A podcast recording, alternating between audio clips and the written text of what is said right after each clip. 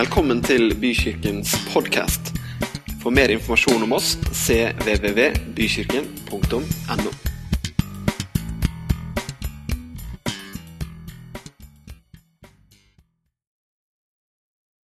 Det er utrolig fint å se dere alle sammen. Det er en spesiell dag i dag. Jeg vet ikke om det, noen av dere kjørte forbi noen norske flagg på vei hit i dag? Det er flaggdag fremfor noen annen. Vi feirer Kristi oppstandelse, dere. Vi feirer grunnlaget for vår tro. Hadde det ikke vært for det som skjedde denne dagen for mer enn 2000 år siden på Golgata, så hadde ikke vi sittet her i dag. Jeg hadde i hvert fall ikke vært her. Mulig du hadde hatt interesse av å sitte her. Men det er dette som er grunnlaget for vår tro. Langfredag så var vi med på korsvandring i Tønsberg sammen med en del andre menigheter. og Vi stoppa ved ulike steder i byen, og vi ba for ulike samfunnsinstitusjoner og for ulike grupper mennesker. Det var kjempefint. Langfredag er jo på mange måter sorgens dag, og vi tar oss lett inn i det triste. Og det er bra. Det er et alvor i det som vi feirer når vi feirer påske. Det er noe dyptgripende. Det er noe mer enn en historisk begivenhet. Jesus Kristus ble, ble korsfestet. Det så ut som en tragedie. Det så ut som alt håp var ute. Han ble korsfestet, og han døde. Hvert eneste år på disse tider, du har kanskje lagt merke til det, så vier aviser spalteplass, og mediene vier sendetid til nye teorier om historiens desidert viktigste hendelse. Et justismord. Han var jo uskyldig. En fange gikk fri, men Jesus ble dømt til døden. Hm. Og så har man ulike konspirasjonsteorier om den politiske bakgrunnen, om hvorfor det ble som det ble. Og alle de tingene er sikkert ganske interessant, men svaret på hvorfor Jesus døde og sto opp igjen, er så ufattelig dyptgripende og rørende at disse spørsmålene som stilles, de kommer ikke til å bidra til å gi noen svar. Noen kommer med teorier om at han kanskje bare var sterkt nedkjølt. Siden han kunne stå opp igjen. Ja, til og med prester skriver artikler hvor man underkjenner det Gud gjorde gjennom Jesus Kristus på korset. For oss som tror så er ikke påsken bare noe vi tar fram én gang for året i mars eller april. Og det er heller ikke ment å være bare det. En høytid det har jeg sansen for. En høytid er et godt hjelpemiddel når vi skal føre tradisjonene videre, når vi skal rette søkelyset på noe. Derfor så feirer vi i dag. Jeg har til og med tatt på meg hvit skjorte og slips. fordi at hvis det er én dag i året jeg vil ha på meg hvit skjorte og slips, så er det første påskedag. Sier ikke det til forkleinelse for deg som har valgt et annet antrekk. Overhodet ikke. Men for meg så falt det veldig naturlig. Og så er vi ulike på ulike områder, men det er i dag at jeg feirer at Jesus Kristus, han er herre, og han er herre til og med over dødens makt, som vi sang så utrolig bra. Påskeukens helhet forteller verdens viktigste historie og inviterer deg og meg inviterer oss inn i et livsforvandlende fellesskap med den allmektige Gud. Påskens budskap, Jesus Kristus korsfestet, død, begravet og oppstått på den tredje dagen. Det er essensen. Vet Du hva? Du kan skrelle bort alt mulig rart som de kristne kirkene driver med verden over. Hørte du meg? Du kan ta bort alt stas, du kan ta bort alle ritualer, du kan ta bort alle gjerninger. Hvis, går, hvis ikke du får med deg at det er dette som er kjernen, da går du glipp av hele poenget. Da mister du det. Hva var det egentlig som skjedde? Hvorfor er påsken så utrolig viktig for meg? Hvorfor er den så utrolig viktig for deg? Den er ikke viktig bare fordi den er et historisk crescendo, men den er viktig fordi den påvirker ditt og mitt liv i dag, ja, her og nå. Hvis du virkelig vil forstå den kristne troen, hvis du virkelig vil få tak i hva dette er, så må du forstå at vi troende, vi identifiserer oss med Han som hang på korset. Vi er ikke bare tilskuere til noe som foregår. Nei, vi ser at det ikke bare er et menneske som henger der, men at han som henger der, kunne vært oss. Vi identifiserer oss, vi skjønner og vi ser at vi kunne gå fri. Fordi Kristus døde i vårt sted.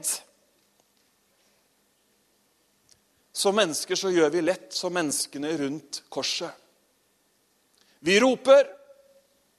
Vi har noen meninger. Den dagen så var det korsfest som var ropet fra flertallet. Man er en i mengden. Man har religiøse meninger som man kanskje har servert av andre. Det var sikkert lett å begynne å rope når man så at de ivrigste roperne var prestene, de religiøse lederne. Men så stopper man opp som menneske. Dette skjer i 2016 også, dere. Dette skjer over hele verden. At mennesker stopper opp og ser en gang til. Og identifiserer seg med han som henger der, og ydmykt bekjenner at det var jeg og ikke han som skulle henge der. Han var uten synd. Pilatus' hustru sniker til og med inn et ord til Jesu forsvar og kaller han for 'den rettferdige'. Peter, apostelen, kaller han for hellig. Apostelen Johannes kaller han for, sier at han er uten synd. Ja, selveste Pilatus, som måtte gi den siste ordren, han sier, 'Jeg finner ikke noe galt hos denne mannen'. Til og med røveren på korset, ikke han som hang på den ene sida, som spotta, men den andre røveren, han sa, 'Denne er rettferdig'. Han snakka om Jesus. En uskyldig som led for de skyldige. Det er vi som dør. Det er våre synder som dør. Det var mine, det var dine synder som drev naglene gjennom hans hender og føtter. Dette er større enn hva intellektet kan romme. Men hjertet vårt kan ane. Han tar det som vi bærer, på sine skuldre. Johannes sier, 'Se, der er Guds lam som bærer verdens synd'. Han går igjennom alt det som du og jeg er redde for. Han tok vår synd, han tok våre sykdommer på seg. Profeten Jesaja profeterer om han og sier Han var foraktet og forkastet av mennesker, en smertens mann, vel kjent med sykdom. Folk skjulte sitt ansikt for han. Han var foraktet, og vi regnet han for intet. Sannelig, det var våre sykdommer han tok på seg. Det var våre smerter han bar, mens vi regnet han som rammet, slått av Gud og gjort elendig. Men han ble såret for våre overtredelser. Han ble knust for våre misgjerninger. Straffen for at vi skulle få fred, rammet han, og ved hans sår har vi fått legedom. Fantastisk. Han bærer smerten. han bærer forakten, han bærer ensomheten, og han står ansikt til ansikt med døden. Og mens han henger der på korset, så rammer straffen han. Straffen som vi skulle ha, den tar han hånd om. Han betaler for våre synder. Han soner i vårt sted. Den gjelden som du og jeg har fordi vi har gått feil, den tar han hånd om. Anklagene mot oss slettes. Vi synger i en kjær påskesalme. Sangen toner, vår forsoner, vår forsoner, til evig pris. Han ville bløde for oss å møte, for oss å møte i paradis. Jesu død på korset er ikke en historisk begivenhet alene, men det er en begivenhet som er relevant for ditt liv, fordi det er dine synder som betales. Vi mennesker, vi er forskjellige. Du kan jo bare kikke litt rundt deg. Vi er ulike ikke bare av utseende, men vi er ulike av hvordan vi er skrudd sammen i tanke og sinn. Det var sånn også med de som sto der på Golgata-høyden, rundt korsfestelsen. Og vi kan lett identifisere oss sikkert med mange av dem. Kanskje man er blant de som roper. Kanskje man er de som sitter stille og ser. Kanskje man bare er en som tenker. En samfunnstopp eller mannen i gata. Høy eller lav, rik eller fattig. Vi kan alle identifisere oss med han. Han døde for alle. Men er det her historien ender? Er det her det tar slutt? Nei, det er jo overhodet ikke det. For etter døden så skjer det noe annet. Noe kommer i stand. Noe tar til. Nytt liv kommer. Og han døde, den døden han døde for deg og for meg. I andre Korinterbrev så står det Når én døde for alle, altså når Kristus døde Når én døde for alle, da døde alle.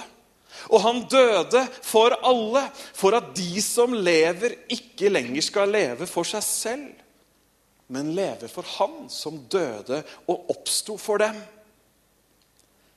Derfor så er historien om Jesu død og oppstandelse, korsfestelsen, seieren over døden, det er din historie. Det er min historie. Det er vi som dør. Vi skal lese beretningen hva som skjedde den tredje dag. Og Camilla skal lese fra Lukas 24, fra det første verset. Ved daggry den første dagen i uken kom kvinnene til graven og hadde med seg de vellukte oljene de hadde laget i stand. Da så de at steinen var rullet fra graven. Og de gikk inn, men fant ikke Herren Jesu kropp. De visste ikke hva de skulle tro, men med ett sto det to menn hos dem i skinnende klær. Kvinnene ble forferdet og bøyde seg med ansiktet mot jorden. Men de to sa til dem, Hvorfor leter dere etter den levende blant de døde? Han er ikke her, han har stått opp. Husk hva han sa til dere mens han ennå var i Galilea. Menneskesønnen skal overgis i syndige menneskers hender og korsfestes, og den tredje dagen skal han stå opp. Da husket de hans ord, og de vendte tilbake til graven og fortalte alt dette til de elleve og til alle de andre. Det var Maria Magdalena, Johanna og Maria Jakobs mor som sammen med de andre kvinnene fortalte dette til apostlene. Men de mente det hele var løs snakk og trodde dem ikke. Peter sto likevel opp og løp til graven, og da han bøyde seg inn i den, så han ikke annet enn linklærne. Så gikk han hjem, fylt av undring over det som hadde hendt. Graven var tom. Tenke seg til. Der kommer de med alt pikkpakket. Der kommer de og skal gjøre det ene og det andre. Og så kommer de, og så finner de at graven er tom. Og englene de står der og sier, 'Han er ikke her. Han har stått opp igjen.' Ikke se så alvorlig ut, dere. Han har stått opp igjen! Fantastisk! Det var ikke slutt. Det var ikke bare en tragisk slutt på en lang og spennende film. Nei, den fortsatte. Hvorfor søker dere den levende blant de døde? Han er ikke her. Han er oppstått. Det er dette vi feirer i dag, folkens. Det er dette som gjør at vi møtes første påskedag. Det er for øvrig dette som gjør at vi møtes alle de andre søndagene og alle de andre gangene vi møtes også, for dette er grunnlaget for det vi i det hele tatt holder på med. Men vi fokuserer litt spesielt på det i dag. Er du med på det? Ja, det er bra. Nå kjenner jeg at temperaturen stiger voldsomt her. Jeg leste en, eh, en, liten historie her om dagen som jeg ikke har klart å slippe. Jeg har fortalt den til noen av dere, så jeg får ta den her også. da. Og jeg ble rett og slett litt misunnelig på noen trossøsken i Georgia i den gresk-ortodokse kirke. Ja, nå, Bent Ove, Vi har hørt om mange som tar noen trosvandringer, men hva skjer nå? Nei, du skjønner at Det var en, det var en utrolig bra skildring, skildring, jeg tror det var i Vårt Land, eh, hvor, de, hvor de beskrev En journalist han gjorde en god jobb, beskrev gudstjenesten første påskedag i den gresk-ortodokse lille kirken i en liten landsby. Det var tjåkafullt. De gamle fikk noen stoler å sitte langs kantene, mens ungdommen hadde tatt på seg fineste stasen, og de sto som sild i tønne. De skulle feire at Kristus var oppstanden. Og så, de, så skriver han så fint, han journalisten, hvordan denne gamle patriarken, Ilia den andre, kommer ut av en sånn grotte de har laga bak på scenen her. Fikk jeg nesten lyst til å ha sånn grotte, jeg òg. Det er noe forheng her, i hvert fall. Og så går denne patriarken han går inn i denne grotten. Og så har han med seg en stav, og etter tradisjonen så antennes en ild på denne staven på overnaturlig vis bak der. Aner ikke om det stemmer, om det står en med lighter der. det vet jeg ingenting om. Men ut kommer gamle Ilia. Og det var et bilde av han også. Han, han så ut som en patriark, kan du si. Det var hvitt hår og hvitt skjegg. Og så gløder det fra ansiktet på denne gamle mannen.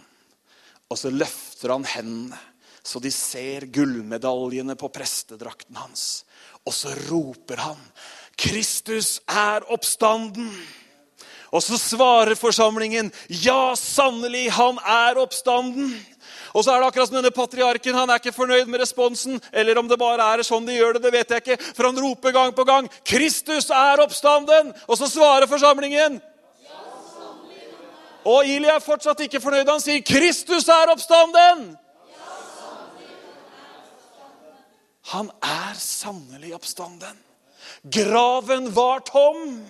Han var ikke lenger der. Det var ikke over. Og englene de er nesten forundra når de snakker med disse damene. Ja, men Husker dere ikke hva han sa, da?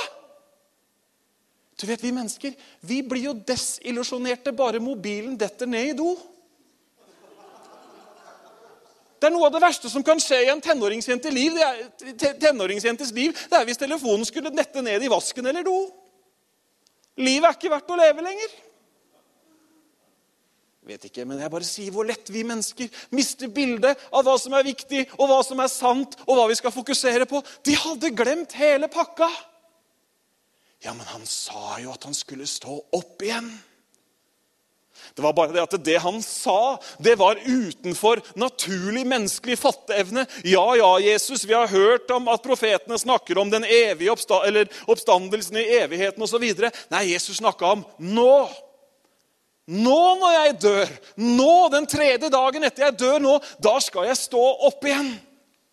Og det er der vi lever. Halleluja. Han er levende. Jesus lever, han har stått opp. Han er sannelig oppstanden. Derfor så synger vi 'Påskemorgen slukker sorgen'. Har ikke fått med deg den, du? Jo, du kan den. Synger den på gammel vane. 'Påskemorgen slukker sorgen, slukker sorgen til evig tid'. Den passer nesten bedre å deklameres enn å synges.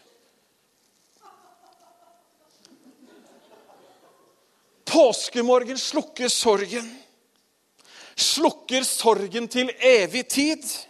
Den har oss givet hva da? Lyset og livet. Lyset og livet i dagning bli. Påskemorgen Slukke sorgen. Slukke sorgen til evig tid. Og så kommer min favorittlinje. Redningsmannen er oppstanden. Er oppstanden i morgen gry. Helvete greder, himmelen seg gleder, himmelen seg gleder med lovsang ny. Redningsmannen er oppstanden, er oppstanden i morgen gry. Dere, det var én ting som endret disiplenes oppfatning av Jesus totalt. Vet du hva det var? Det var det som skjedde på korset på Golgata. Og det var hans oppstandelse den tredje dagen. Ja da, jeg tror at de hadde likt den før dette. De hadde fulgt etter han i flere år, og de hadde litt innbyrdes konkurranse om hvem som skulle sitte nærmest Jesus, og de var ganske så tenåringsaktige på en del områder. Det er vi 40-åringer også innimellom. Og de hadde kalt han rabbi, mester, store lærer, profet. De trodde han, de fulgte han, men jeg våger å påstå at de kanskje ikke helt forsto det han sa. Kan du være med meg på det?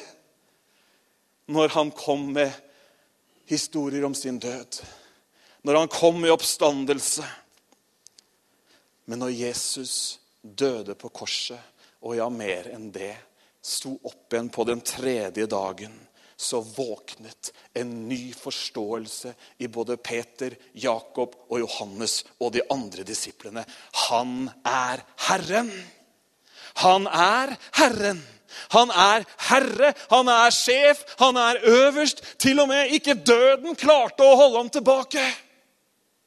Det er stor forskjell på disiplene i evangeliene og disiplene i apostlenes gjerninger.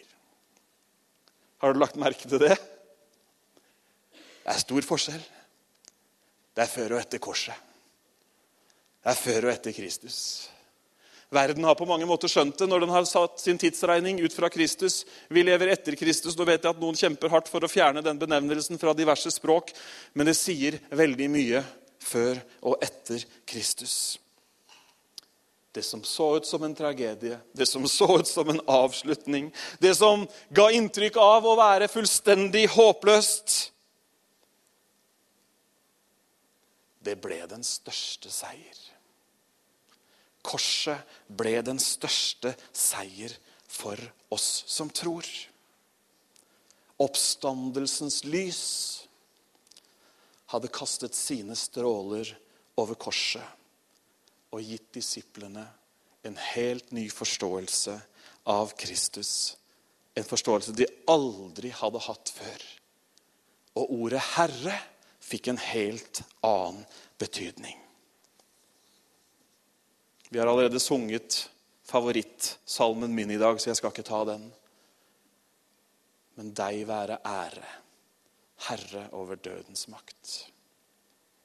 Oppstandelse fra de døde, det er unaturlig oppstandelse etter at døden har inntruffet, det er ikke rasjonelt i forhold til noen fysiske lover eller i forhold til menneskelig forstand.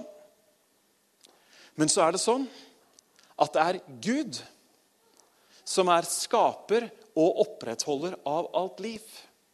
Det er han som har livet i sin hånd. Etter oppstandelsen så ble Jesus sett av mange mennesker. Mange vitnet om at han sto opp igjen.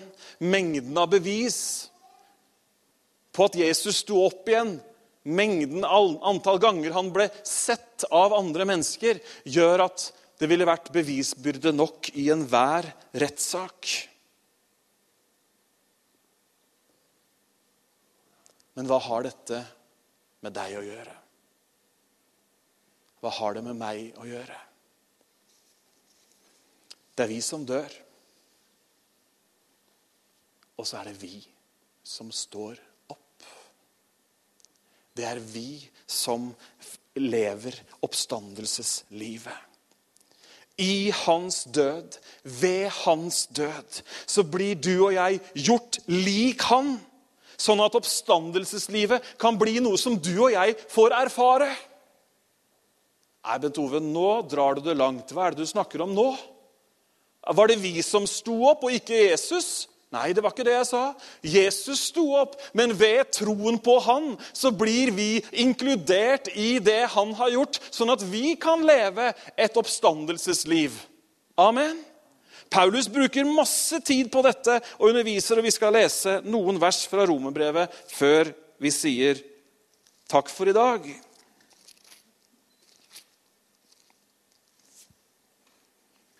Er så vanskelig når vi leser romerbrevet, for det er så utrolig mye bra her at man kunne liksom virkelig bare blitt her. Men hør her, i kapittel 6,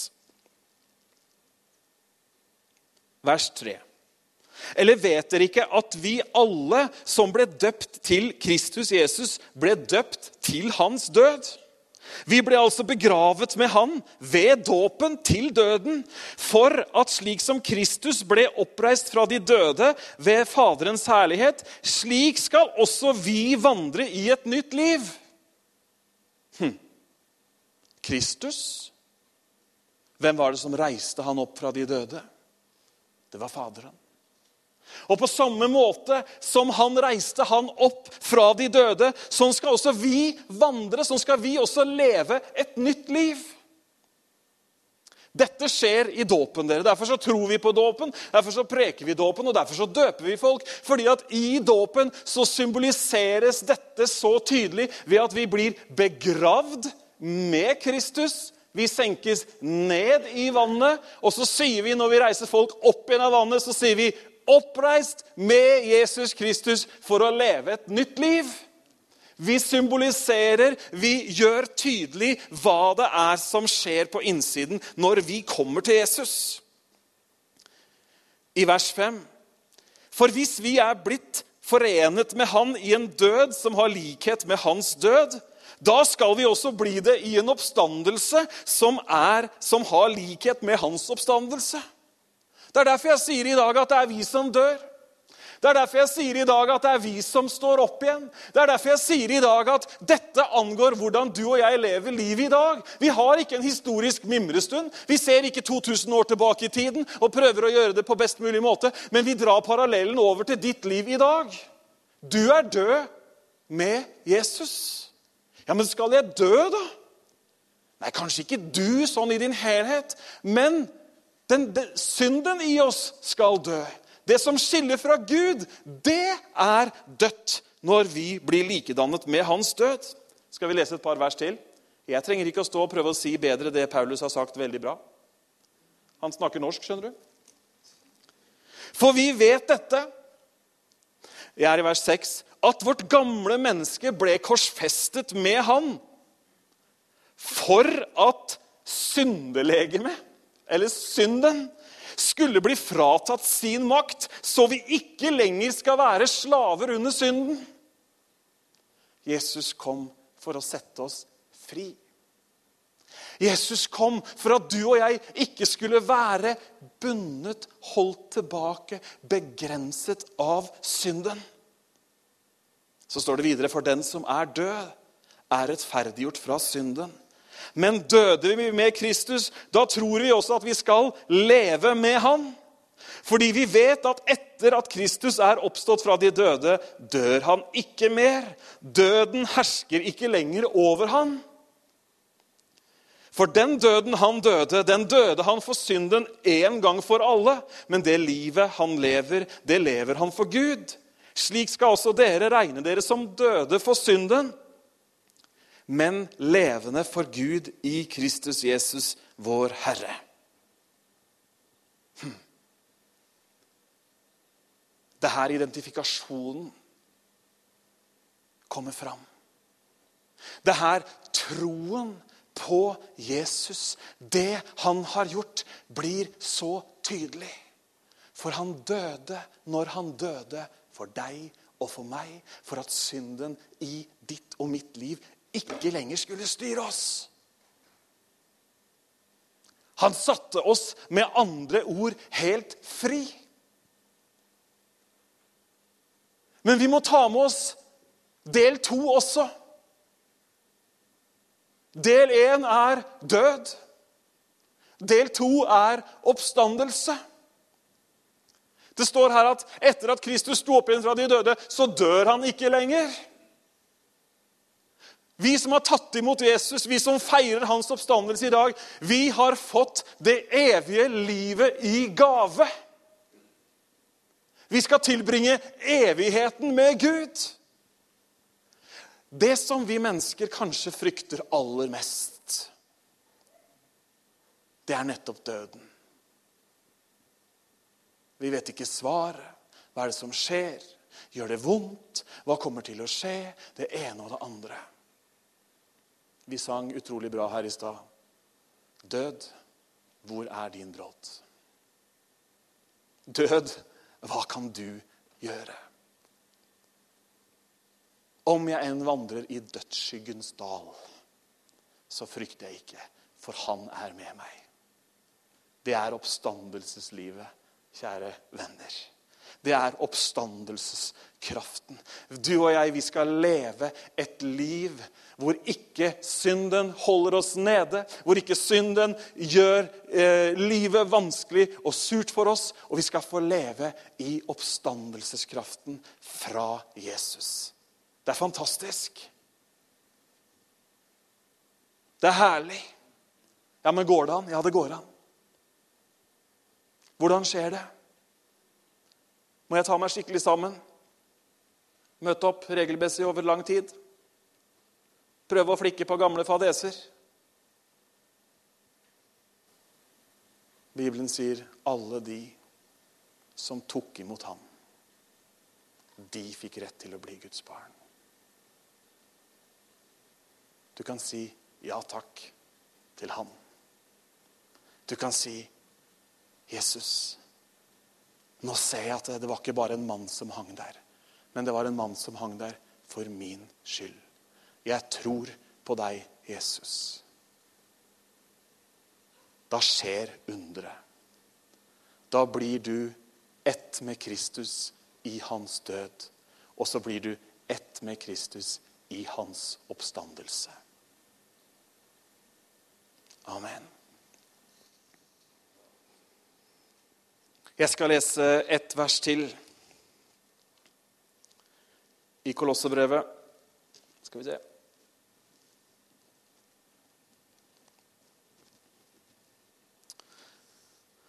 Er det ikke utrolig godt å tenke på at vi er oppreist med Kristus? Er det ikke fantastisk å faktisk vite, faktisk kunne ta det innover seg? At på samme måte som han er oppstått, så er vi også oppstått til et liv hvor vi kan følge ham, leve som ham. I Kolossebrevet kapittel 3 så står det Hvis dere da hm, Hvis dere da altså ble oppreist med Kristus Og vi er mange her som kan si at vi ble oppreist med Kristus. Så søk de ting som er der oppe der Kristus sitter ved Guds høyre hånd. Ha sinnet rettet mot de ting som er der oppe, ikke mot de ting som er på jorden. Dere er jo døde, og deres liv er skjult i Kristus Jesus. Amen. Skal vi reise oss opp sammen?